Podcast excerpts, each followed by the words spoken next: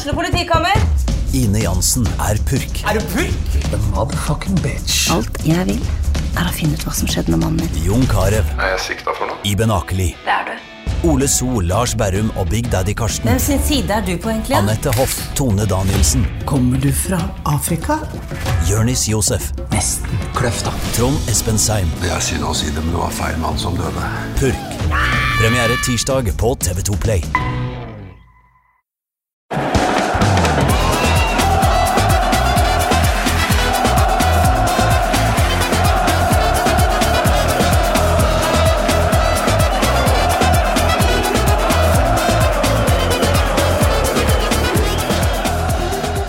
Da ønsker vi velkommen etter en rekke kalenderluker til eh, ukas ordinære Pyro Pivo-episode, som eh, er alt annet enn eh, ordinær. Altså, en ganske vanlig ting er jo at jeg, Morten Galaasen, stiller relativt uforberedt til en episode, men det som er litt mer uvanlig, er at vi i dag skal snakke om et stort, stort, faktisk det største navnet i fotballhistorien.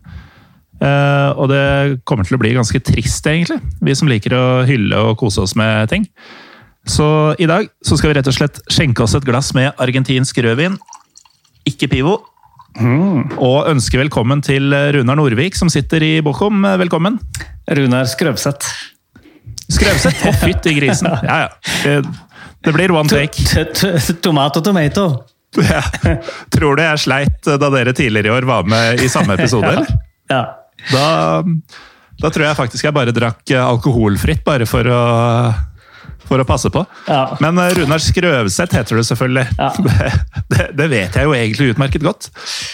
Um, mange av de som hører på, Runar, de um, forbinder jo deg sikkert først og fremst med Dritte Halbsite og tysk fotball. ja, det kan nok hende. Men eh, de som har vært med Pyro og Pivo en stund, de vet jo at allerede i episode to, eh, som jo er fryktelig lenge siden, og en gang i fjor blant annet, så har jo du uh, snakka aktivt om eh, din fortid som ordentlig, ordentlig søramerikafisert. Um, hva, hva er lenka di til Sør-Amerika, spesielt da Argentina? Eh, ja, min hovedlenke til Argentina er at jeg bodde der et år. Fra 2006 til 2007 i Buenos Aires. Mm.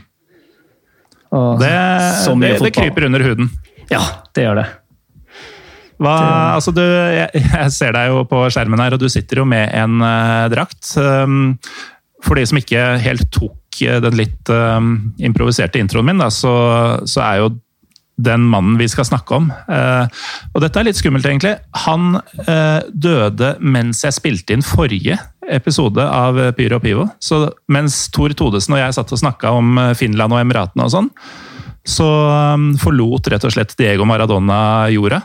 Så vi får håpe at ikke det er et omen, og at vi ikke sjekker sosiale medier når vi har logga opp for i dag, Runar, og ser at uh, fæle ting har skjedd. Men uh, du bodde et år i Argentina. Du sitter jaggu der med en uh, Er det en Argentinos juniors-drakt? Det stemmer. Jeg er egentlig ingen uh, draktfantast. Jeg er ikke sånn som samler på drakter eller pleier å kjøpe drakter og, eller gå med det i det hele tatt, men uh, denne har jeg hatt med meg derfra, og den, den passet i dag. Jeg syns også det er litt uh, Det blir snakket veldig mye om, om Boca, selvfølgelig. Man blir jo forbundet med Boca i stor grad, og Napoli så klart, da. men uh, kanskje litt, litt lite om Argentinos eh, som av alt jeg har lest den siste uka. For han spilte mye mer der enn i, enn i Boca. Og det var der han startet. da. Altså Han spilte mer for Argentinos enn en uh, for Boca? Ja, mye lenger, mye mer. Ja. Og veldig suksessrikt også, selv om Argentinos ikke vant noe. Så var det, så han, det var der han debuterte som 15-åring.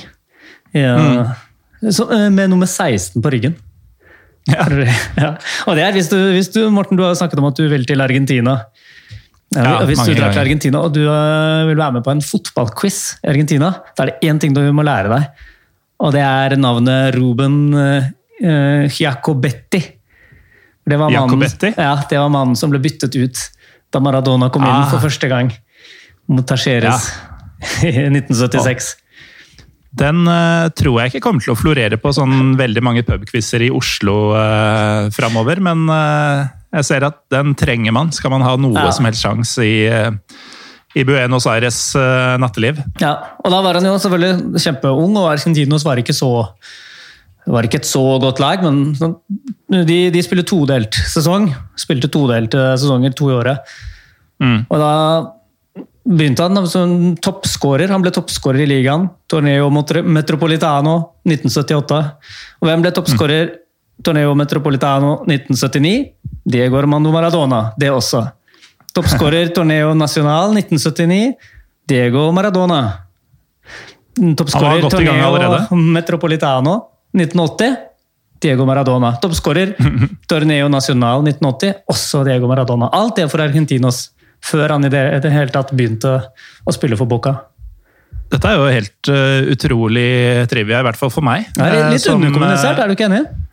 Jo, for akkurat som du sier, altså folk flest, og det inkluderer åpenbart meg, forbinder han med to klubber og, og et landslag. Mm. Altså Boca og, og Napoli. Men jeg, jeg, husker jo selv fra, fra bokhylla da jeg vokste opp, så hadde faren min av en eller annen grunn en sånn Um, sånn krønikevariant. Uh, Fotball-VM 1978. Ah, ja. mm. uh, som jo gikk i Argentina. Det var der uh, de vant sitt første gull.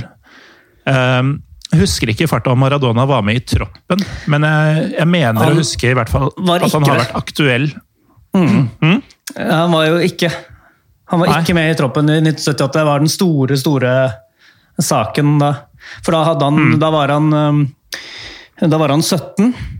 Men han hadde allerede begynt å spille for landslaget, for A-landslaget. Mm. Mm. Men, uh, men, han ble ikke tatt ut. Til stor Nei. forargelse for ham selvfølgelig, og for, for, mange andre også. Ja. Selv om det er jo naturlig å tenke at uh, veldig mange argentinere senere skulle være ok med laguttaket, med tanke på at det gikk eh, helt til topps, ja. og det på hjemmebane. Ja, og det var, mange, det var andre kontroversielle ting med det uttaket også. ja, Og mesterskapet som, eh, som sådan. Det også, ja.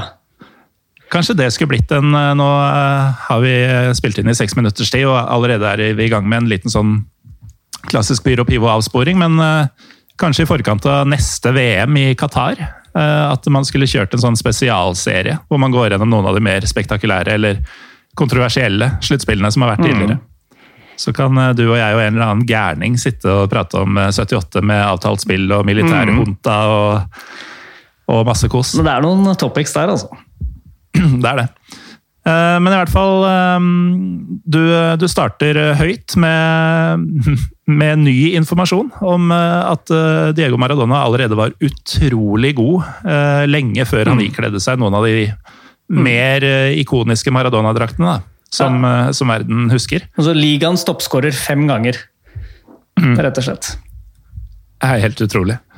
Um, og selvfølgelig, man, man, så jo allerede da at han var en, en spiller helt utenom det vanlige. Eh, altså i den alderen å bli toppskårer gang på gang.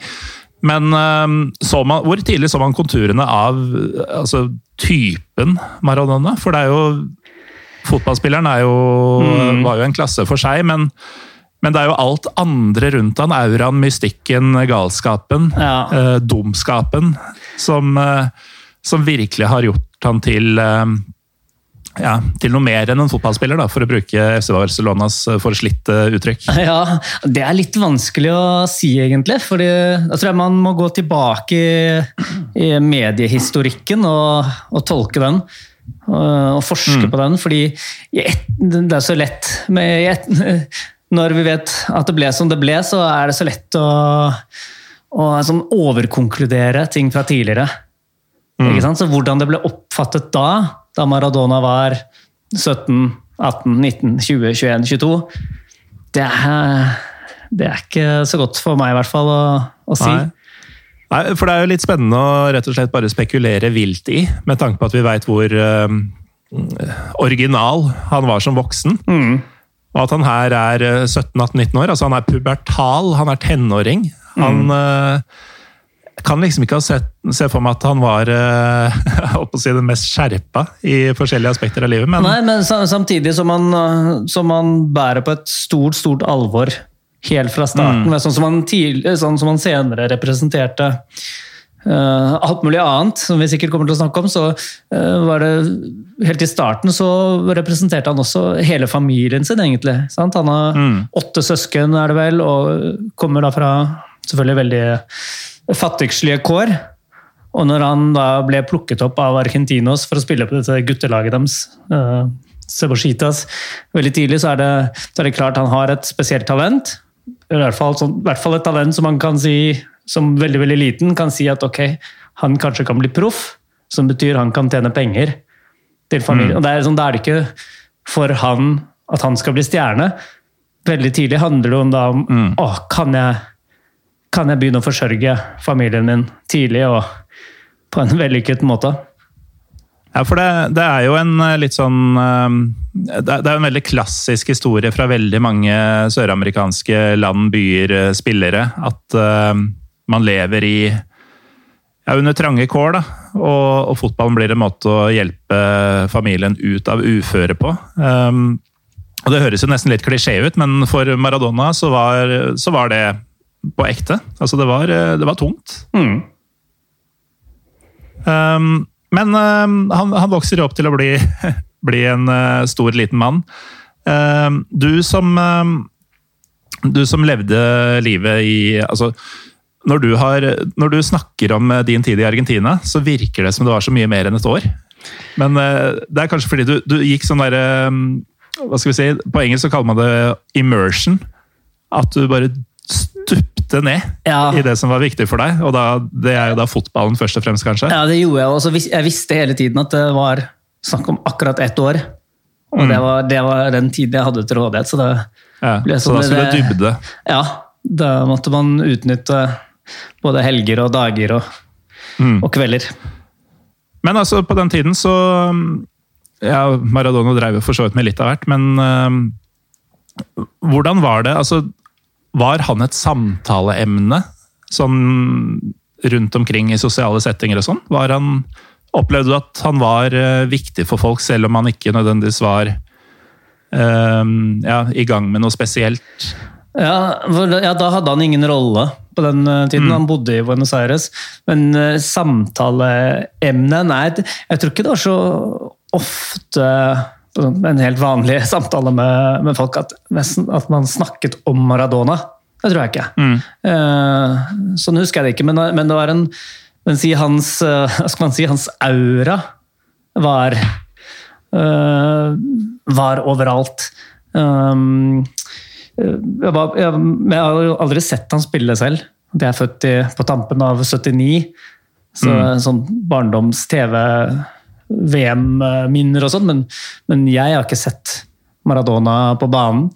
Uh, aldri møtt han personlig, men jeg sang bursdagssangen for han. På, det, må, ja, det var hans 46-årsdag, må det ha vært. Uh, mm. Da møttes Bocca og Argentinos, av alle, på La Bombonera på bursdagen hans. Og var det en seriekamp? Altså, en seriekamp, ja. ja. ja. Så det var ikke satt opp sånn uh, som en nei, nei. egen hyllest av nei, klubbene? Nei, liksom. det, var helt, det, var helt, tilfeldig. Og ja, da fantastisk. var han til stede, som han ofte var, da. Eh, mm. På Boccas hjemmekamper, på sin egen balkong. Mm. Og da ble det, da, før kampen ble det bare eh, sunget bursdagssangen for han. Og det er en sånn altså, Jeg som, som ikke-religiøs er det sånn jeg forestiller meg at sånn virkelig sånn sterke vekkelsesmøter mm. kan være. Når man bare blir sugd inn ja. i en sånn Eh, stemning og lovnader om en bedre uh, verden eller evighet, eller hva man skal kalle det. Og lar seg suge med i det. Og det, litt sånn var det. Altså. Den, og, der, og, da handler det om den um, hva skal man si, den tilknytningen mellom Maradona på balkongen og, og folket, for han var jo mm. han var jo en del, han var jo veldig en del av folket, selv om han også ikke var det. Så um, det var, det var, veldig veldig spesielt. og det, det, Fra den kampen kan jeg f.eks. i dag ikke, ikke, si deg hvem hva resultatet ble, eller hvem som vant i det hele tatt. eller in, Ingenting kan jeg huske. Husker ingenting annet. Fra akkurat den kampen. skyldt fra andre mm. kamper, nei, det kan jeg ikke. Men det øyeblikket, uh, mm. den, den bursdagssangen der, og folk, uh, folk rundt som hvor, ja, Tårene liksom triller ned kinnene. Og, det, er en, mm. uh, det er veldig, veldig spesielt. Ja. Det er, sånn, det er noe helt annet enn hvis uh, jeg sier Drillo skulle bli gratulert med, med dagen på Ullevål. Ja. Eller, altså, det, Mm. det, En annen verden, det er en annen verden, ja. Ja. Og det er jo et godt bilde på hvor eh, holdt si, altoverskyggende um, hele Diego Maradona var, og, og egentlig kommer til å være også, selv om han ikke er blant oss uh, lenger. ja.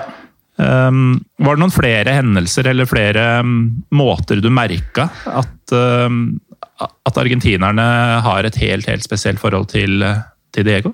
Ja, på, under VM i 2006. Jeg kom dit rett før VM. Og under det VM-et så var- Maradona en sånn vet ikke, jeg Kanskje var litt sånn fjørtoffa team manager for Norge en Ja. En sånn litt sånn eh, diffus rolle sånn i landslagsmiljøet, som alltid var med uten å egentlig helt være med. Eh, Så Maradona var, var da, Det var VM i Tyskland, og Maradona var der. Og mm, spillerne har fortalt etterpå også hvordan de eh, hvordan Maradona alltid var i garderoben før kamp og sa noen ord. Det var sånn ja, det var så, så spesielt. Og, det, og, og da ble det selvfølgelig vist hver eneste kamp var det, ble det jo vist eh, bilder av Maradona som hoiet og heiet og herjet på, på tribunen. Og det mm. Da ble han jo alltid zoomet inn hver eneste kamp noen ganger. Og det, jeg så disse kampene stort sett ute på, på puber og barer og, og sånt, og det var også en, en, et bilde av Maradona i som ja, da stopper alt annet. Det er ja, veldig, veldig spesielt. Og mens den kampen hvor de, hvor de tapte mot eh, Tyskland i kvartfinalen, da var ikke Maradona der. Og det var det som var så rart. Man så ikke Man har alltid sett bilde av Maradona hver eneste kamp, det mesterskapet. Og hvor er den gråtende Maradona, den illsinte Maradona? Argentina taper, men så viste det seg etterpå at han ikke kom inn på stadion fordi kompisen hans fikk ikke billett. Eller de slapp ikke inn kompisen hans da han skulle inn på stadion. Og da eh, ble Maradona så fornærmet og indignert at han gikk sammen med kompisen på hotellrommet og så kampen på TV. Det er også veldig typisk han. Det det er utrolig barnslig, kan man si, men det er også så prinsippfast og så Ja, ja. ja. Så, det, det var, jeg tror det var Sorin ja, som fortalte ettertid også hvordan det var en sånn veldig dårlig start på den kampen for dem. At Maradona ikke var i garderoben, som han egentlig skulle før kampen. At det var sånn Ja, vi spillere ville ikke, vi ville ikke ut og spille før han hadde vært der, mente han. Og der slutter kanskje likheten med rollen Fjørtoft har på det norske landslaget. Ja, det kan være. Men det var liksom, for jeg tror aldri det ble helt klart definert hva han, hva han egentlig gjorde. Han, lø, han fløy rundt med en sånn uh, AFA uh, sånn AFA-presseseddel på magen som gjorde at han kom inn rundt omkring. Og, men ja, han var jo ikke en del av trenerapparatet, så jeg vet ikke. Høres ut som han var litt sånn, der, eh, sånn Runar Søgaard, sånn eh, religiøs vekkelses som kom opp og kom inn i garderoben til riktig tid for å, Ja. for å sette lynnet på plass. Også det uten sammenligning for øvrig, vil jeg mene. Ja, virkelig. Eh, Vi skal ikke tråkke Maradona ned i søla her, tross alt. Men, men tenk å være han eh, tyskeren, sannsynligvis, da, som eh, ser Maradona og en fyr komme og bare avvise i døra. Sånn, nei, han, Diego Maradonas pluss one får ikke komme inn. Ja. Det, det er også ja, da må du være tysk, altså. Ja, Da må du være tysk. ja. Står ikke på lista, i da kommer du ikke inn. Det hadde ikke skjedd i VM 2002 eller 10 eller 14 eller 18, sannsynligvis. Nei. Kanskje 18. Russerne kunne nok også fort Ja. sagt uh, njet. Men uh, hvis vi skal ta holdt på å si litt, uh, litt høydepunkter fra, fra spillekarrieren. Da.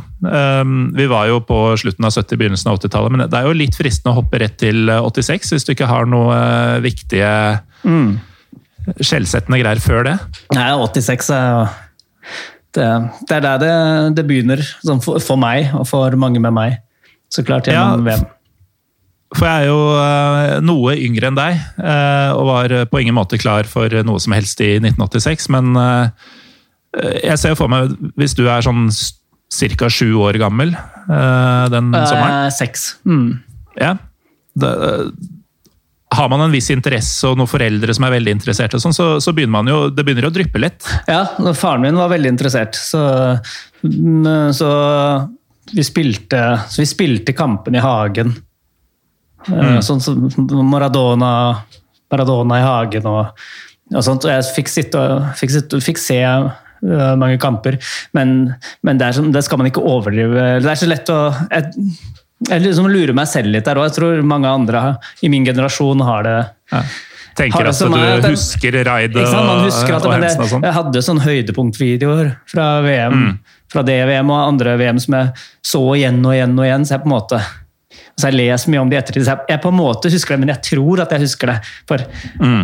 altså, nå har jeg, har jeg, barn selv, og da blir jeg litt sånn da må jeg jekke meg selv ned litt fra mine egne ja. fortellinger om min egen fortid som fotballinteressert barn. For jeg husker Tidligere har jeg drevet og fortalt om hvordan jeg, hvordan jeg gråt og, og, sånn da Jeg heide på Sovjet. Eller da, da Sovjet ble slått ut. Da gråt jeg. Mm. Og det, sånn, tenkte, jeg tok det som et tegn på hvor utrolig viktig fotball var for meg allerede da.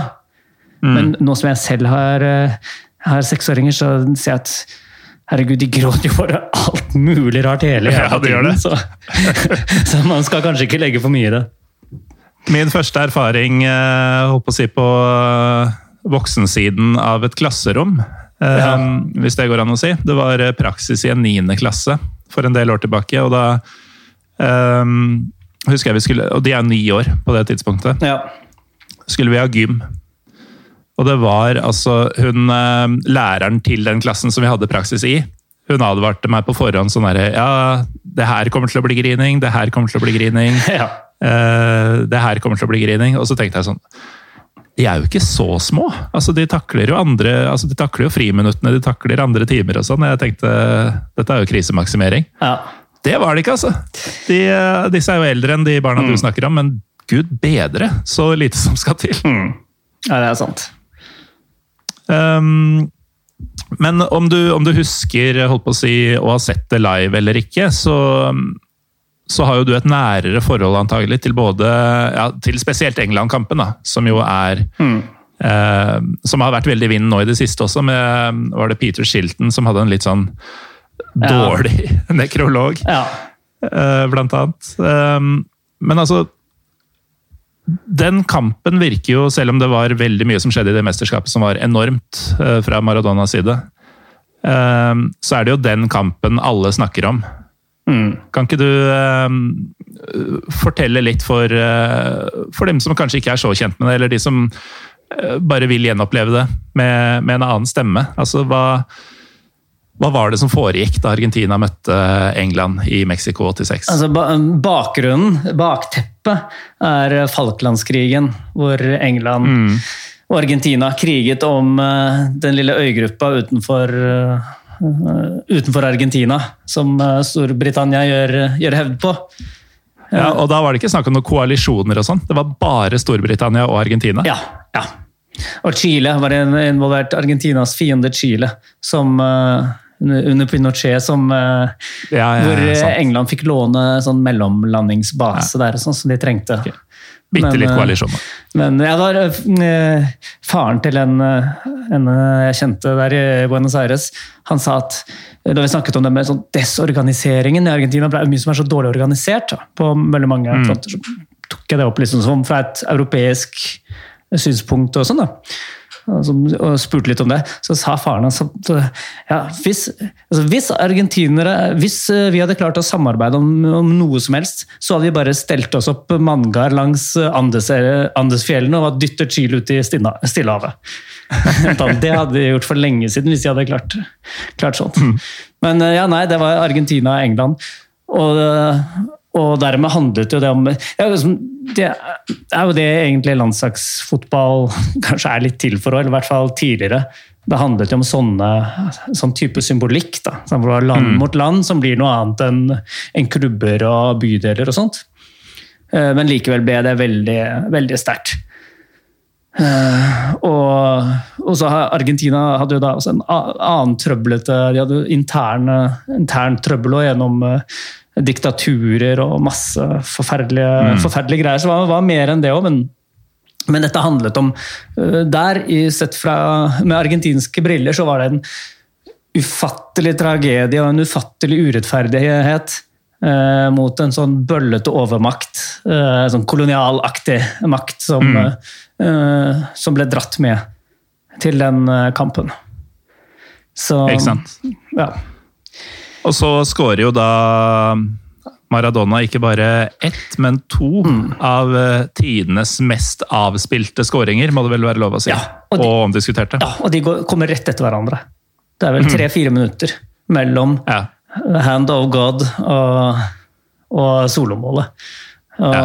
og det også oppsummerer, som veldig mange andre enn meg har påpekt tidligere, så oppsummerer det veldig mye av det som det som gjør Maradona til Maradona, altså fenomenet Maradona til fenomenet Maradona, og som også uh, sier noe om hva man blir populær for i Argentina, da, kontra hvordan det ville vært i, Det ville ikke vært det samme for en engelsk helt eller en norsk helt.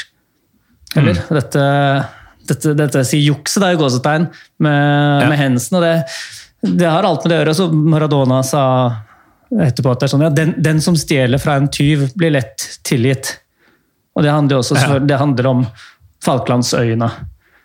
Og ja, så, Det er jo ganske herlig, herlig ting å si, med tanke på altså, hvor stor sånn hva skal vi si, mytologisk folkehelt eh, Robin Hood er for britene. ja, det er sant. Det har jeg aldri tenkt på. Så det er nesten litt sånn eh, falt for eget grep, eh, eller deres egen medisin-variant. Ja, det er jammen sant. Godt poeng. Så for de som ikke aner hva vi snakker om, da, så for det første, skjerp deg. For det andre, gå inn på YouTube og søk på Maradona England 1986, så får du både denne veldig tydelige hensen som, eh, som blir godkjent, og så um, får du også dette raidet som uh, veldig store deler av verden alltid har og alltid kommer til å omtale som tidenes beste mål. Litt sånn uavhengig av hva som skjer uh, noe sted, eh, så lenge det er mennesker på jorda. Ja. Og, og igjen med det, med det bakteppet og med det er kvartfinale i VM. og Det er som det er noe annet å dra den da enn mot Ternana i, i Coppa Italia. Ja, ikke sant. Og eh, det ender jo da med at eh, Argentina slår ut England i denne kvartfinalen, og de går da hen og vinner hele VM. Mm. og det er er det lov å si at det er eh, Altså at Maradona bærer laget, er det jo ingen tvil om. Eh, men det, det var vel nesten ingen andre man husker fra det laget. Altså Selv om det var et bra lag, åpenbart. De ble verdensmestere, men jeg har aldri hørt snakk om noen andre derfra. Nei.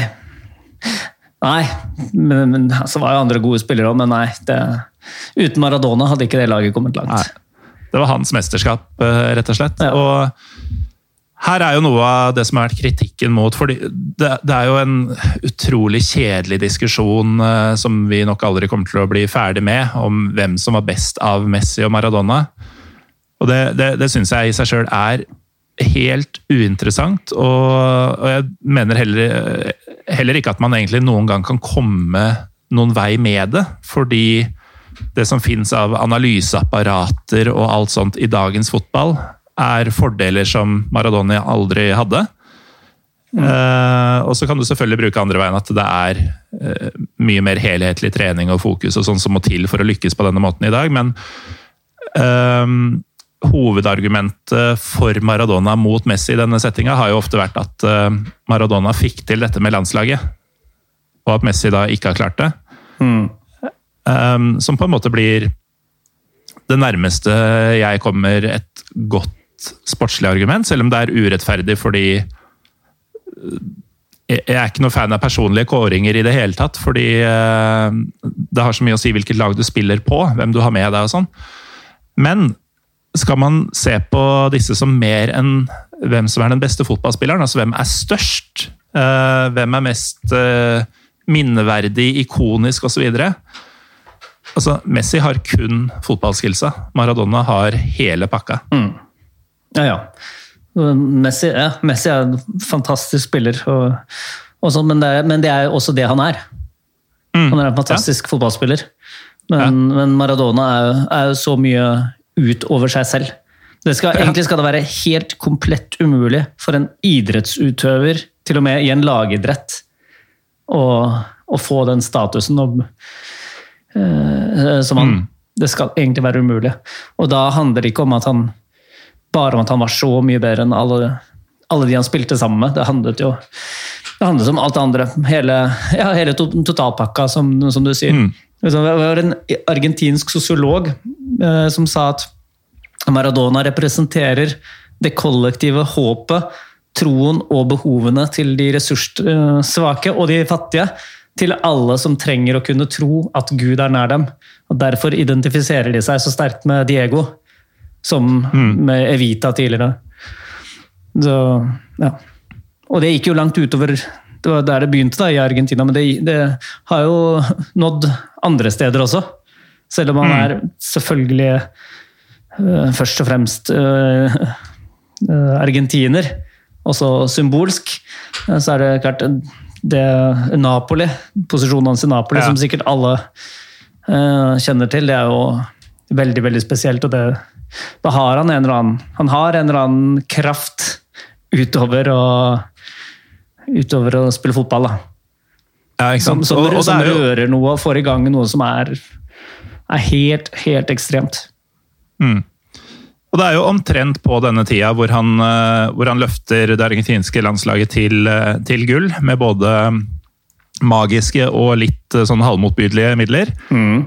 Som, som han jo gjør det samme med Napoli. Ja. Og, og, og det er jo Altså, det, jo, det gjentar jo det forrige poenget mitt, at uh, han han går jo til en middelmådighet, egentlig, og, og gjør da Napoli til italiensk mester. ja. Um, igjen aldri utelukkende, men i stor grad er dette hans fortjeneste. Ja, ja og, der, og der er det også, det er også en del av dette her. Eh, Det er ikke bare det at Napoli ikke var så gode, og så oppnådde de noe de aldri har oppnådd før. Det er ikke bare det, det er også hva slags klubb er Napoli? Hva representerer klubben Napoli, byen Napoli, napolitanerne som folk, i det italienske bildet? Og derfor, derfor gikk han jo også til eh, Hvorfor gikk han til Boca den gangen? Etter å ha herjet sånn som tenåring for Argentinos. River Plate bød mest, og tilbød soleklart mest lønn. Eh, for da hadde Boca økonomiske problemer, så de måtte ta Maradona på lån først. Og sportslig var det også litt på var det ikke helt på høyden. Men det er fordi, altså for, for en som Maradona, som kommer fra, eh, fra fattige strøk i det sørlige Buenos Aires, så er det, det er det Boca som er default-klubben av det store for dem. Det er ikke River. Nei. Og, Og Napoli er kanskje en klubb som minner om, om Ikke sant? hjemme. da. Og så er, det, så er det sikkert mulig å diskutere Det er sikkert mulig å diskutere også hva Hvor bevisst var alle disse valgene fra Maradonas side, og hvor mye kan også ha vært eh, tilfeldigheter og, og sånn i det, i det store og hele. Men i hvert fall når vi, med fasiten i hånd, da, så kan vi i hvert fall si at det er et, et veldig viktig poeng med den karrieren. Mm. Det, er, det er Bocca, ikke River. Det er Napoli, ikke Milano-klubben eller Juventus. Det er, um, eh, det er Barcelona, ikke statsmakten eh, med Franco-anene i Madrid, ikke sant? Mm, mm. Og det er og det, er det som, som har kjennetegnet han utenfor banen også. Han har jo fått mye kritikk også, selvfølgelig, for han har hatt mange dumme politiske uttalelser og sånt.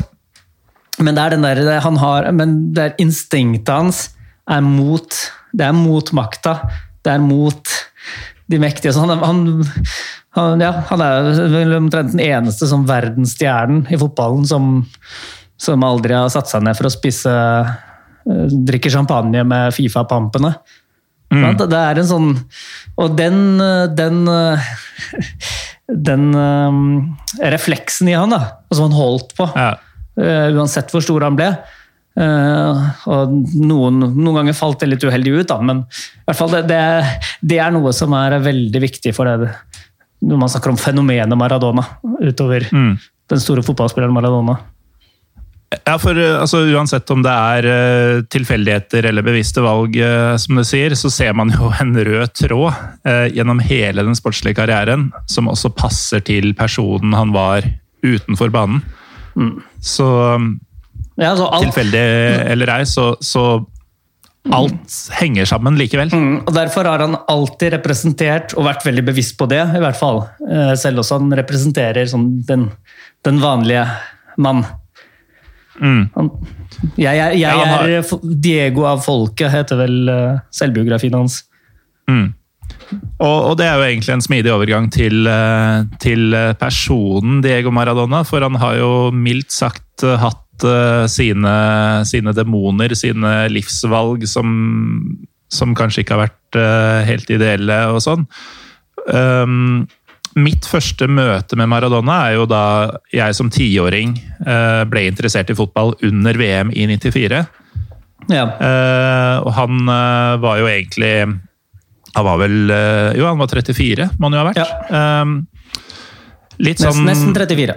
33. Ja, litt sånn, om ikke avskrevet, så var det siste dansen, på en måte. Og han herja noe så voldsomt mm. i disse gruppespillsmatchene innledningsvis at man tenkte at nå er nå er både Diego og Argentina uh, ja, de er, de er, klare for, uh, for å rocke. Mm. Uh, det var de også. Og så um, er jo jeg da som tiåring i gang med å, med å, fatte interesse for dette, for, før han plutselig da er i nyheten om at han har testa positivt på en dopingprøve. Mm. Uh, og, og, det var veldig sånn her, Dette er for, i gruppespillet. altså Dette er i løpet av de første par ukene av mesterskapet. Ehm, så jeg får jo alt på en gang. Jeg får jo både sånn, det som ser ut som verdens beste fotballspiller, mm. og en eh, ja, For en tiåring var det lett å tenke idiot, da. Mm. Um, og de, disse greiene han dreiv med utafor, altså dop i forskjellige fasonger, var jo no, noe som prega store deler av livet hans. Mm. Eh, han har jo knytta en del kontroversielle vennskap. altså Han drakk ikke champagne med Fifa-pampene, men han røyka sigar med Fidel Castro og tatoverte hodet hans på leggen. Ja, og, ja, og uh, Camorraen og ja. Mm. ja, hva er det? Det er de Mafiaen i Napoli. De mm. der uh, Det ble også ganske tett. Ja, ikke sant. Men han det virker som han alltid var Han prøvde liksom ikke å skjule sine menneskelige svakheter. Nei, tvert imot, nesten. Men, men han kunne jo mm. ikke skjule noen ting heller. Så, nei, han, det er sant. Eh, men eh, ja, nei, og det er også, det er også noe av den totalpakka, da. Sånn, det, er, mm. det, er, det, er, ikke den striglede toppidrettsutøveren. Det er eh, mennesket med feil og mangler og Ja, det, det, er, det, er det dypt, dypt sånn feilaktige folkelige kombinert med med noe ja, guddommelig, da. Hvis man skal ja, kalle det Ja, og det er det som er så fascinerende med hele, hele Diego. At du har ja, jeg er i likhet med deg veldig lite religiøs. Eh, omtrent så lite man får blitt. Men at det er så nært guddommelighet eh, på et vis. Og så langt ifra. Altså så ned på bakken, mm. Eh, og så menneskelig og full av eh, mm. ja, det, som, det, som, gjør oss menneskelige, mm. på, på, samme tid. Ja, det, ja, og menneskelig er et godt uttrykk der. Folkelig, folkelig er riktig, men, men, folkelig blir fort litt misforstått på altså Folkelig i en norsk kontekst, det, er, det handler nesten alltid om jordnærhet og, og mm. nøysomhet. Så en, en ja. god norsk uh, idrettshelt skal vise at man er, okay, tjener mye penger og har stor suksess, også, men, men, viser nøysomhet og er jordnær og gjerne kanskje bor litt enkelt og, mm. og har, har sånn gode verdier og sånn. Ja. Mens, mens, argentinsk folkelighet er noe annet. Det er, mm. ikke, det er ikke nøysomhet nødvendigvis, men det er, det er ja, kanskje mer disse menneskelige feil mm. og og, og sånt er, er mer, det er en del av Det er kanskje mer det som er det folkelige ja. i den eh, settingen, vil jeg si. Ja, altså, en annen ting med den norske folkeligheten er jo det at uh, man liksom skal kunne by på seg selv. Men å by på seg selv uh, for en norsk idrettsstjerne eller en norsk kjendis, det er jo å stille opp på f.eks. Beat for beat. og, og synge Ja. litt. Da, da, er man, uh, da er man inne i stuene til folk og inne i hjertene til folk med en gang. Da, da Ja. er du litt sånn halvgæren og, og avslappa i stilen. Ja. Eh, Maradona Ja, så blir det- tok jo litt lenger enn det. Ja, og så blir det sånn at hele, hans, altså hele Maradonas øh, verden og sfære tilhører alle andres verden og sfære. Det er som det, det, er, sånn, det, det det må med det at han representerer deg og meg, ikke, ikke du, Morten og jeg. Runar, men si den jevne argentiner, da, eller også folk i andre deler av, av, av, øh, av verden.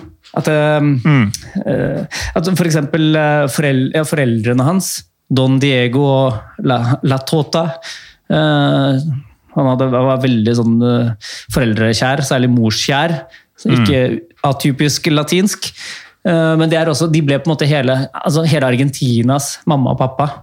Og de to eldste døtrene hans, Dalma og Janina, altså, de, er, de er alles.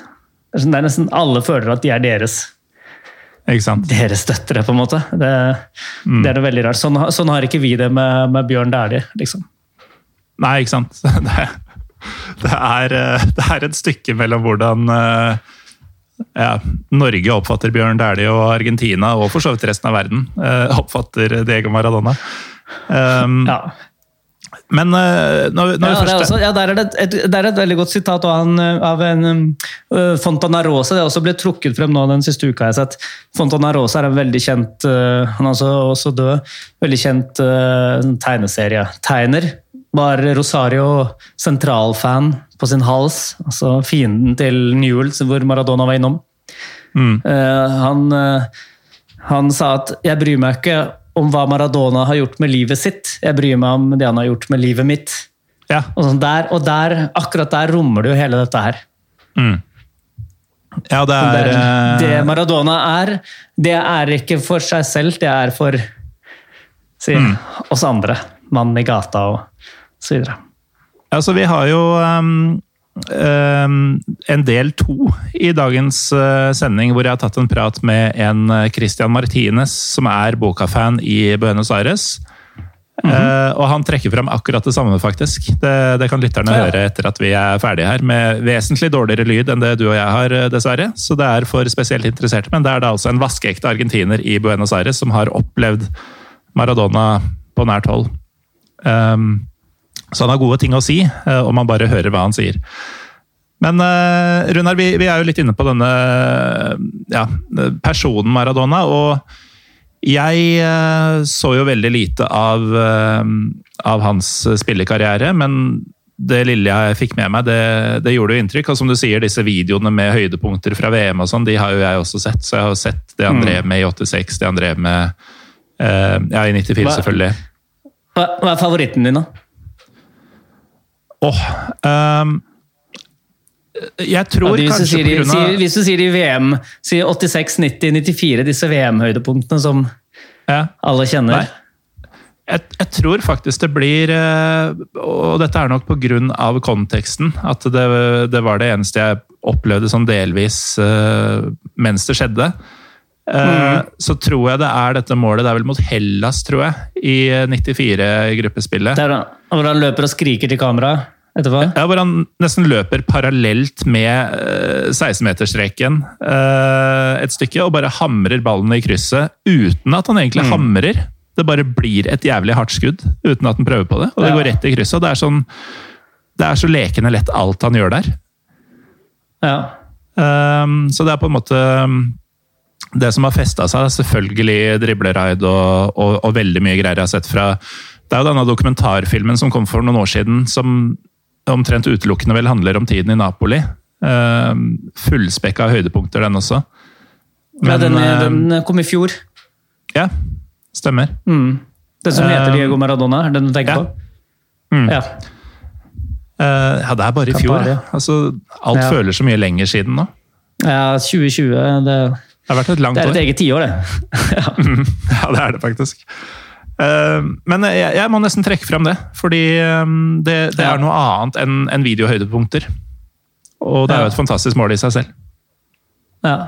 Jeg tror min, hvis jeg skal opphøye noe over noe annet fra VM, så er det for meg den målgivende mot Brasil i 1990. I, det er åttendelsfinalen, er det ikke det?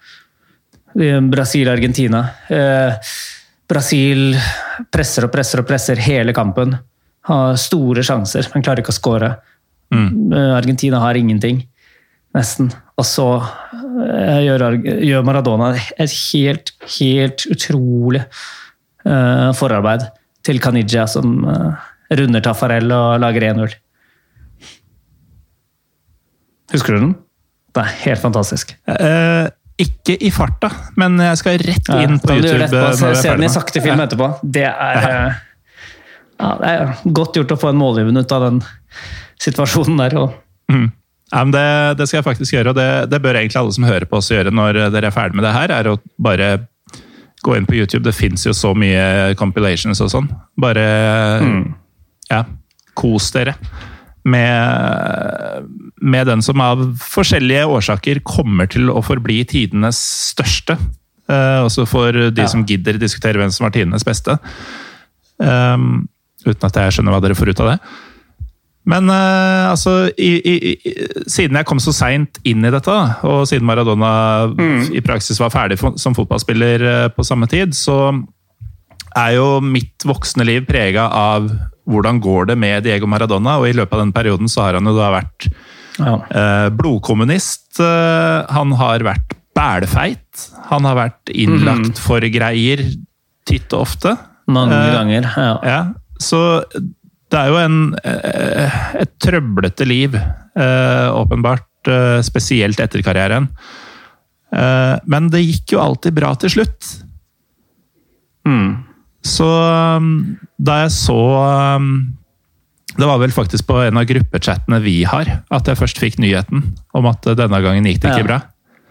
Ja. Um, Og da hadde, og da sleit hadde jeg nesten litt med å tro det. også, med den Ja. operasjonen operasjonen på hjernen Ikke sant? der. Så var det nesten vanskelig å fatte, fordi jeg hadde bare fått for meg at det uansett hva han utsetter seg selv for, uansett hva som skjer med han, så, så lever han videre. Og på sett og vis ville han jo gjøre det, men ikke lenger fysisk. Hvordan eh, opplevde du, eller hvordan tok du beskjeden? Det er litt samme som, litt samme som deg. Det var jo, det var jo veldig ventet. på- Det måtte jo på en måte skje før eller siden, men samtidig så uh, man, tror, man tror på en måte ikke at det kan, at det kan være sant. Litt sånn som, eh, litt sånn som eh, da kong Olav døde. Det var i 91, tror jeg. Da var jeg 11 år. Mm. Og det var litt av det samme. Hva? Kongen er død? Ja. Det er jo helt, det er jo helt umulig. Det Kan husker jeg godt at jeg ble, ble, vekk, ble vekket Ja, ikke sant? Ble vekket om morgenen av foreldrene mine som, som fortalte Mm. sånn alvorlig at kongen er død. Det er litt, sånn, litt den følelsen fikk jeg. Så det, Ja, ja men det er det. dette er øh, liksom, Vi gjør nesten varetegnet. Dette, dette må Mm. være feil. Ja, Kan Dette må vi ta en nærmere titt på, liksom. Eh, kan jo ikke stemme. Ja, apropos det med kong Olav. eh, Jeg var vel seks-sju år, jeg da. Og um, syntes jo det var trist, men hadde jo ikke rekke i å opparbeide meg et forhold til hvem, hvem dette egentlig var. Annet enn Norges konge. Men eh, jeg hadde en nabo som var eh, to år eldre enn meg. Eh, og vi drev og lekte ute i hagen eh, litt seinere på dagen. Og han spurte rett ut Syns du synd på kong Olav? og det, det var litt sånn Det var et av de første møtene mine med, med død, da. Og um, Ja, det, ja, det var litt sånn Jeg, jeg syns jo ikke synd på på noen som er død. Det, det er jo over. Men jeg syns det er synd at det skjedde. Uh, uten at jeg egentlig har, at jeg skal noe sted med dette. Jeg bare ble så altså Seks år gamle meg ble så perpleks over eh, den måten å, å tenke på. Eh, Men eh, altså, han Diego da, kan jo ikke ha hatt det bra den siste tiden. nei, nei. Nei, deprimert og Eller store deler av tiden, egentlig. og Ja. Nei, nei. Mm. Det, det må ha vært et vanskelig liv. Men som du Men så, sier men, så, men så sluttet det på, på, på et vis så sluttet det Hvis man skal prøve å trøste seg, da. på, på vegne av Maradona, så var det helt, egentlig helt utrolig flott det siste året, drøye året han fikk. For han kom tilbake, han vendte tilbake til Argentina og fikk denne trenerjobben i Gymnasia. Mm. Hvor, for trenerkarrieren hans var jo bare tull fra, fra start til slutt. Men med ja. mye rare klubber og som ingen Han var, var jo ingen god trener. Men, eh, men hvordan han fikk dra som gymnasiatrener, fikk dra fra stadion til stadion til stadion tilbake igjen i Argentina og kjenne på den enorme, enorme eh, støtten i folket hvor enn han dro. Eh, Folk var jo mye mer opptatt av å hylle Maradona enn å se sitt lag spille om tre Mm. poeng i alle kampene Gymnasia spilte. Ja. Mm. Og det var Det må ha vært, eller det var, det var, sa han jo selv, og det var utrolig stort for han. Så det er, liksom, det er litt fint, da. At han, han Ja. fikk med seg den triumfrunden. Han var også på La Bombonera som gymnasiatrener, og Mm. folk eh, gråt av glede over å se han ute på gresset. Så det vi kan konkludere med, er jo egentlig at eh, han levde et liv hvor ifølge veldig mange, eh, kanskje også inkludert han selv, uh, handla mer om hva han gjorde med andres liv, enn enn hva han gjorde med sitt Ja. eget liv. Og at Ja. han eh, fikk veldig mange positive tilbakemeldinger eh, i løpet av ja, det som skulle vise seg å bli noe av den siste tiden han fortsatt gikk eh, blant oss. Og mm. Og var, og var veldig bevisst på, eh, bevisst på at, han, eh, at hans navn er for evigheten. mm, ikke ikke Ja, den fjerneste tvil om det. Nei, det Altså, all dop i verden kunne ikke fjerna det fra bevisstheten hans, eh, tror jeg. Nei. Um, det er vel siste ord kanskje sagt, uh, Runar? Ja, Grei avslutning det, var det ikke? det? Jo, jeg tror nesten det. Takk for at du eh, Jeg må nesten beklage to ting eh, før vi gir oss. og Det er jo nummer én at jeg kalte deg for Runar Norvik eh, først. Selv om det selvfølgelig Ja, det på ingen måte er en, en nedsettende betegnelse. uh, og det at vi faktisk du beklage, har du får beklage til Norvik. ja. Han har avfulgt meg og blokkert meg på sosiale medier. Har han i hvert fall skrevet mange ganger på sosiale medier de siste ukene. Eh, Så det, det får heller være. Men uh, vi må jo nesten også beklage at vi på sett og vis har sammenligna Maradona med både Jan Åge Fjørtoft og Runar Søgaard på, på forskjellige tidspunkter i, i dagens episode. Men man, man blir jo litt, eh, litt sånn rar og prega. Eh, Vi får skylde på det. Um, uansett, Runar Skrøvseth, eh, takk for at du eh, var med oss fra Ror. Um, Takk for invitasjonen. Alltid. Alltid. Eh, til dere som hører på, så er det som sagt en uh, bonusseksjon eh, rett etter at jeg sier, slutter å prate nå. eh, med da Christian Martinez, boka-fan fra eh, Buenos Aires, eh, som dessverre ikke helt fikk til det tekniske med opptaket sitt, men det går an å høre på hvis dere vil høre hvordan, eh, hvordan en som har opplevd Maradona på nært hold, eh, har det for tiden. Og gjør dere ikke det, så er det helt greit for meg. Men uansett, takk for at dere hører på. Og um, husk at vi har en julekalender. Det kommer en ny luke hver dag for tiden. Runar, du var jo med i luke to. Begynner å bli en stund siden allerede. Um, jeg heter Morten Gallosen. Følg gjerne Pyro Pivopod og Dritta Halbsite på sosiale medier. Og så høres vi neste uke. And so we welcome you to the English section of this uh, Pyro Pivo tribute to the great one Diego Maradona. And uh, it just wouldn't be right if we didn't talk to someone close to the club. So, all the way from uh, Buenos Aires, we have uh, Christian Martinez. Welcome to the show. Uh, thanks a lot, a lot, Morten, for this interview and for this moment to share with you and football fans in Norway.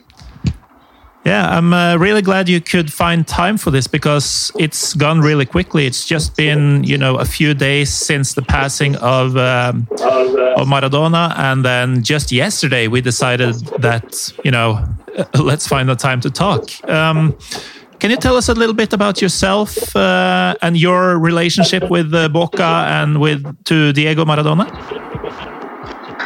Yes, uh, I'm from Buenos Aires, Argentina. I'm 40 years old and uh, a Boca Juniors fan and supporter. Of course, I, I was lucky to see on TV and uh, a few games of Maradona as a, uh, me being a Boca supporter. Um, I'm very lucky to be contemporary to to watch and see Maradona, and, and, and it was a pleasure to to was born in, in that in this time. yeah, yeah, because you say you're 40 years old, so you are old enough to have actually experienced him and remembering some of the greatest moments. Yes, for sure. I am very lucky to have a memory when I was a child and a teenager to, to, to see him playing, and it was so inspiring for a generation. Hmm. How, how, was that for you? I mean, you're a you're a young kid, you're a teenager, and you see magic just in front of you.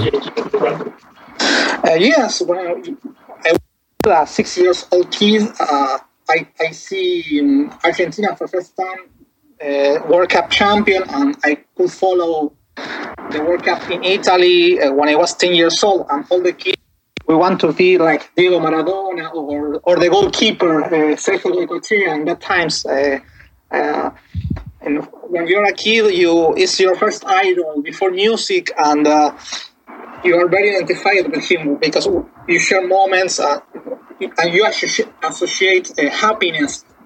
You, you remember your happiness when you were a kid and teenagers too. Sounds amazing. Um, before we get into more about you and, and Maradona, um, you are, of course, a fan of uh, Boca Juniors, but um, how did that uh, happen? Why did it? Why is it Boca for you and not one of the many other clubs in Buenos Aires? Well, Boca is um, Buenos Aires is a big city, and uh, we we have uh, 16 clubs in the city, and Boca is considered is um, much more closer to the hard worker class. Mm. Uh, in, it's one of the most popular in Argentina. Uh, some songs about Boca say that we are half plus one. It means that uh, supporters in Argentina, half Argentina is Boca plus one. It's, Boca is very important uh, club.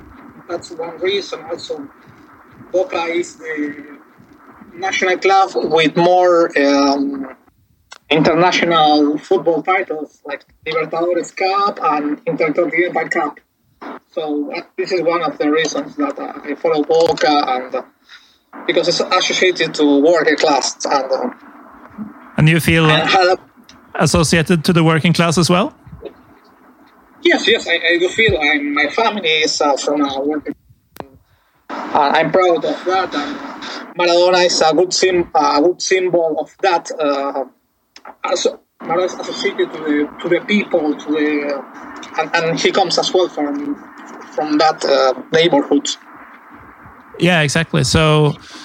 Of course, Maradona is closely linked to to Boca, and uh, obviously, as a teenager growing up watching him, um, feeling close to to that greatness must have been a major factor for you. Yes, yes, for sure, sure, yes.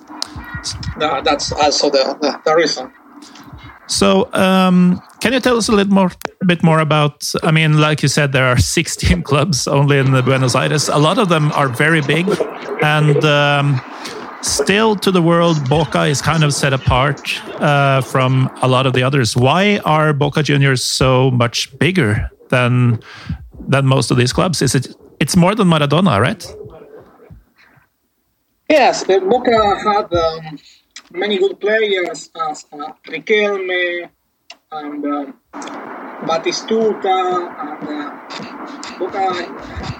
And it's, I think it's one of the most international clubs of Argentina with River Plate and uh, other teams.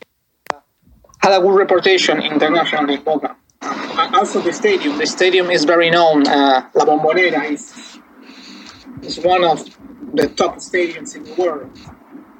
I think that's is one of the reasons that uh, Boca is uh, one of the biggest clubs in Buenos Aires, Argentina. Yeah, I mean, I've only seen the the stadium on pictures and on in TV clips, but uh, it seems like one of the most special places you can watch football anywhere in the world. Yes, yes, the, the supporters are very close to the football pitch. It's the, uh, the we have a quote that is uh, the the bombonera is not rumble; it, it, it beats like a heart. When you're in the stadium, you can feel uh, the the stands in moving like an earthquake. Yeah. and everybody in the stadium is jumping, and the football players feel uh, they feel it too. The, the ground moving, and it's, it's impressive. Yeah, because uh, you hear a lot about this, and people say, "Oh, it's like the ground is shaking," but uh, I've, I've, I've heard from people who have been there that it's actually shaking. You can actually feel it move.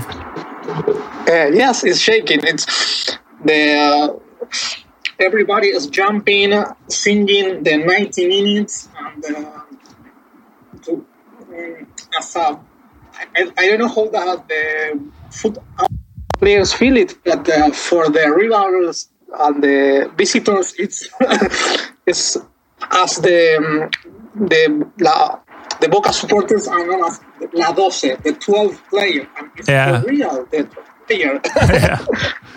Yeah, because uh, like you said, the stadium is uh, is very intimate and and intimidating because you know the stands are going straight up really steeply, and it must feel like you're just surrounded by madness when you play against Boca.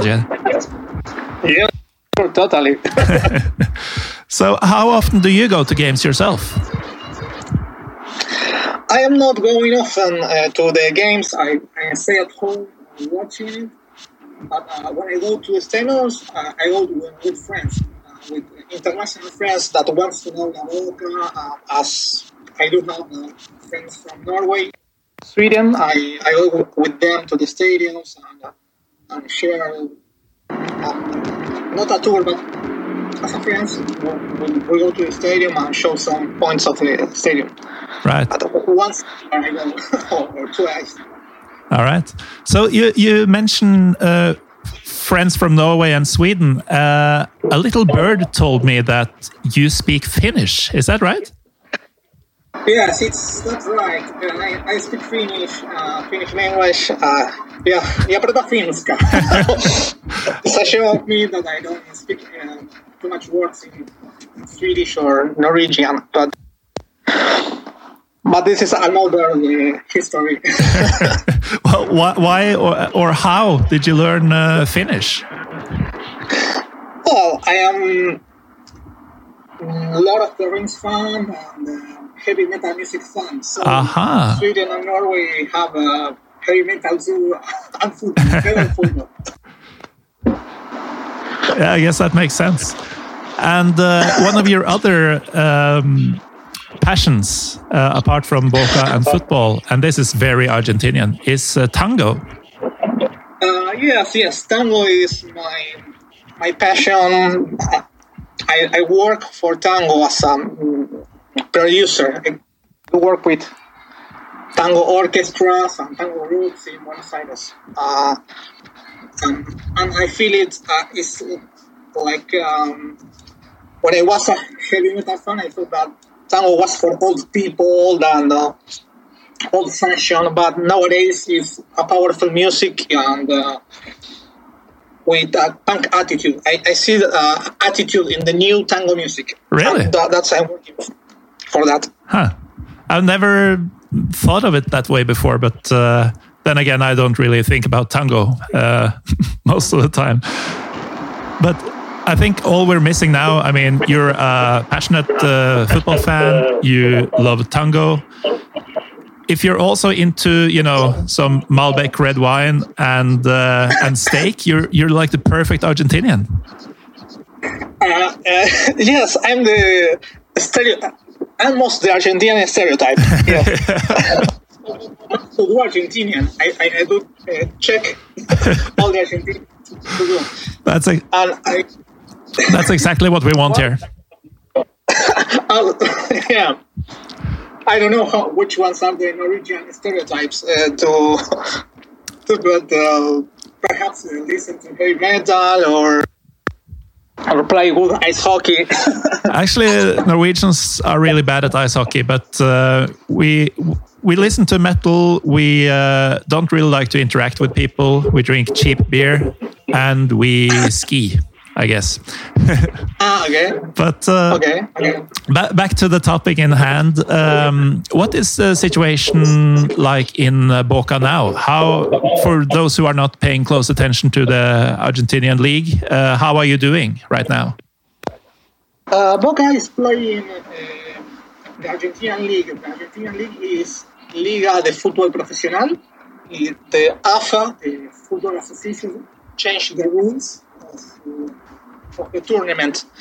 It's not it's not like a traditional tournament with uh, 12 or 15 teams playing all against them. The tournament is divided in six zones uh, with four teams. There are 24 teams divided zones, and uh, after the first two teams of each zone plays like a qualification games with 12 teams. Okay. That's the. And Boca, and Boca is playing as well the Copa Libertadores uh, um, too in, in, in, groups as well. Uh, if Libertadores is like our Champions League in South America. Yeah, yeah. I remember a couple of years ago um, you were playing River in the actual final. Uh, that was pretty chaotic. Yes, was very chaotic. It's it's a shame that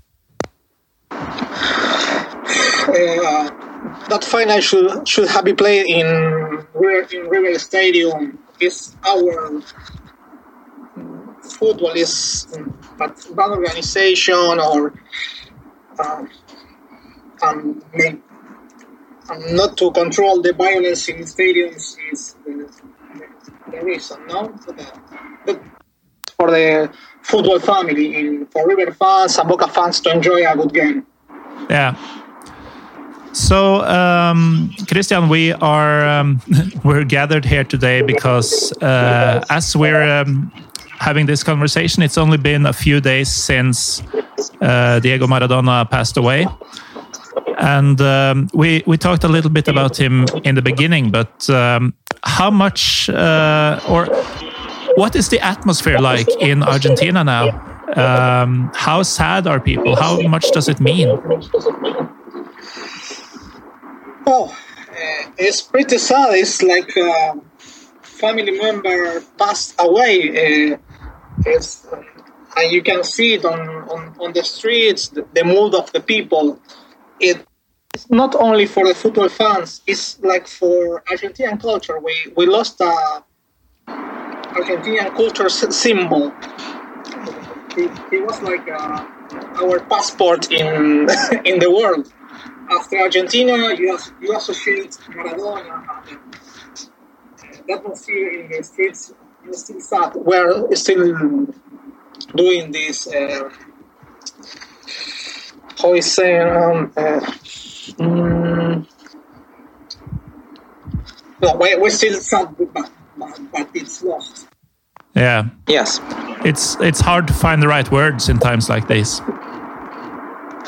Yes, it's hard, but because uh, Maradona always had this kind of uh, health issues and we always think, okay, if he will recover soon, he, had bad time, had bad times, and, into the hospital, and then get back. But we couldn't believe when we saw in the news uh, that, that, that, was true. We couldn't believe it. We, we didn't because always he recovers soon. Yeah, yeah. I mean, I, I have seen this so many times over just the last, you know, 20 years that, you know, he's really sick at some point, he's really fat at some point, uh, he's really into drugs at some point, but he always gets better. Yes, yes, yes.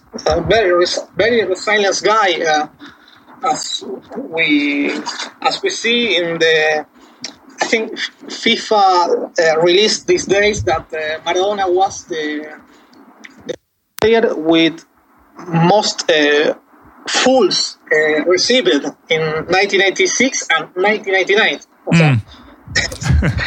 okay, in that times the fouls, the, the referees were not so strict like now.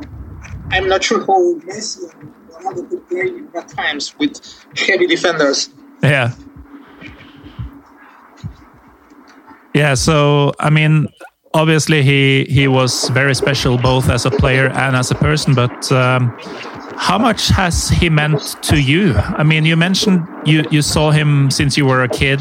Um, of course, he's the main idol not only to in, in, in the history of Boca or the history of Argentina, but to football as a whole. I mean, he's the most iconic player that ever lived. Um, it um, is it transcends to all sports. The, the sportsmanship. Um, all, he was always close to amateur uh, uh, sports in tennis, Argentinian tennis, hockey as a supporter, and uh, rugby too. Mm. Um, he's uh, he's inspiring as a leader, and uh, he's willing don't give up Yeah. and keep going. It's a he's um, a sport symbol for all kind of sports, and always he was close to the amateur uh, sports in Argentina. How is his? Um, I mean, he, he's done some strange things uh, after he stopped playing. Um, he got really close with uh, Fidel Castro. He uh, he had some kind of bizarre things that he did uh, during the World Cup uh, when he was uh, in the stands. Um, how how have the people seen Maradona in the last 10, 15 years when he was alive?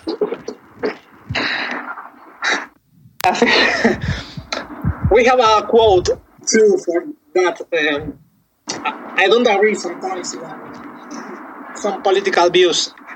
That he's close to the people, and always he has been connected with the politicians. In he was interested in in the best for the people, for the the best for to bring happiness to the people, and also connected with um, politicians. But we used to say a quote: uh, "I don't care. I'm.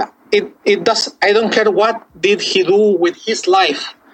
It, it matters what did he do for my life." Oh yeah, that's beautiful. Actually, This, yes, I, I, I most of um, uh, some newspapers, um, journalists, national international said that okay, Maradona was into drugs, and in, in contact with uh, some dictators or lead- or politician leaders, but uh, I cannot judge him about this. But his personal life, I I don't care what did he do for my life. He brought me happiness, and uh, this is the most beautiful uh, uh, moment.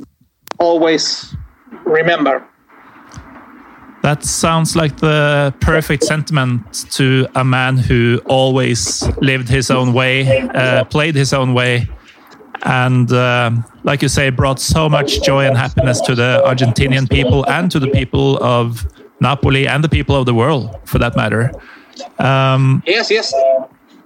how um, how will you go on now? I mean, in a world without Maradona, what's next for for you and for Boca?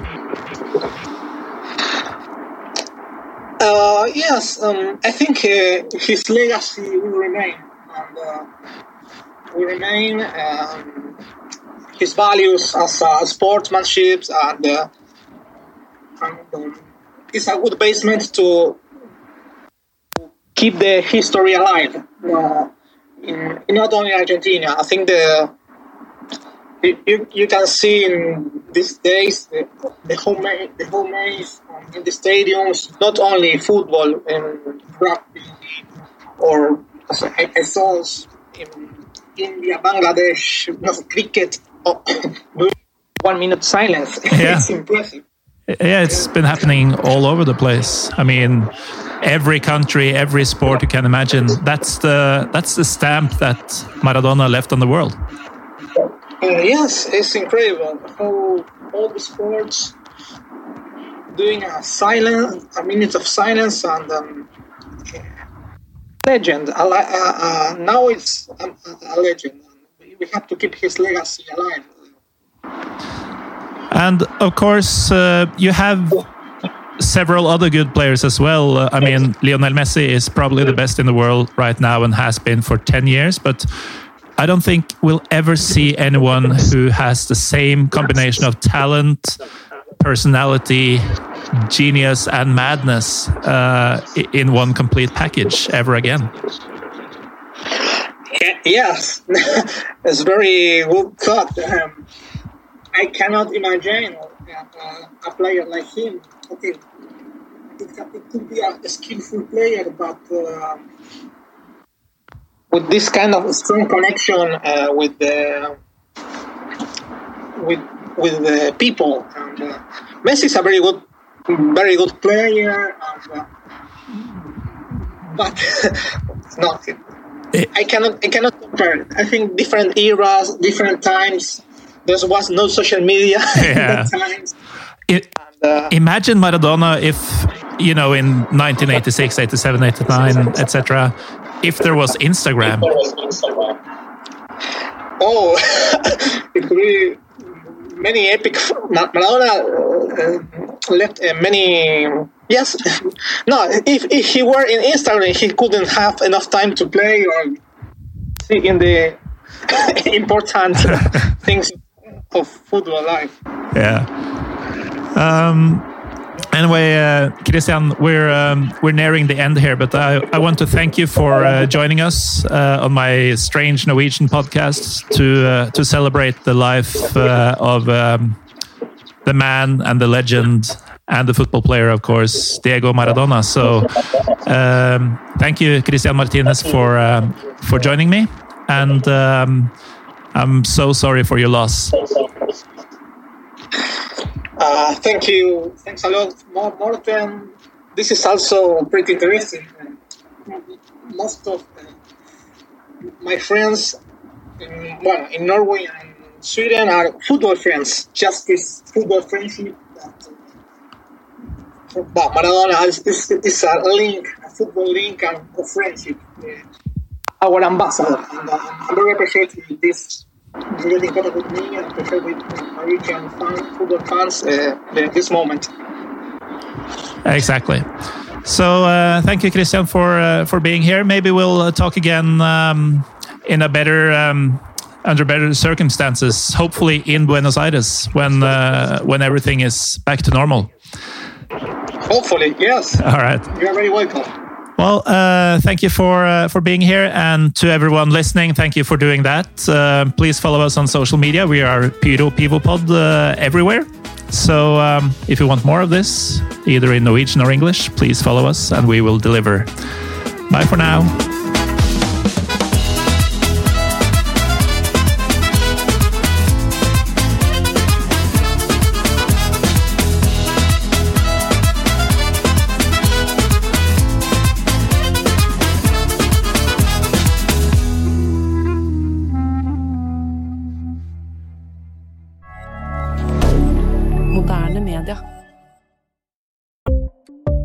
Ukens annonsør er HelloFresh. HelloFresh er verdens ledende matkasseleverandør og kan være redningen i en travel hverdag. Mange av oss har nok vandret i butikken både sultne og uten en plan for middagen, som ender med at vi går for de samme kjedelige rettene gang på gang. Middag burde være dagens høydepunkt. Som HelloFresh kan du nå velge mellom 25 ulike retter hver eneste uke, eller få HelloFresh til å sette sammen menyen for deg. Dette gir deg muligheten til å prøve nye og spennende retter alene eller sammen med familien. Du velger antall porsjoner og får alt levert på døren på et tidspunkt som passer for deg. Oppskriftene er enkle, og maten er lett å lage både for store og for små. Ved å få alt levert hjem får du også mer tid til å dele matgleden med familie og venner. Kanskje det frister med asiatiske tacos eller greskinspirert kylling? Da kan jeg anbefale deg om å gå inn på hellofresh.no. Her kan du bruke koden FOTBALL og få opptil 1779 kroner i rabatt på de første fem matkastene hvis du ikke har prøvd Hello Fresh tidligere. Du kan også bruke rabatten hvis du har vært kunde og stoppet abonnementet ditt for tolv måneder siden eller lengre. Gå inn på hellofresh.no og bruk koden FOTBALL. Har du et enkeltpersonforetak eller en liten bedrift? Da er du sikkert lei av å høre meg snakke om hvor enkelt det er med kvitteringer og bilag i fiken, så vi eh, gir oss her, vi. Fordi vi liker enkelt. Fiken superenkelt regnskap.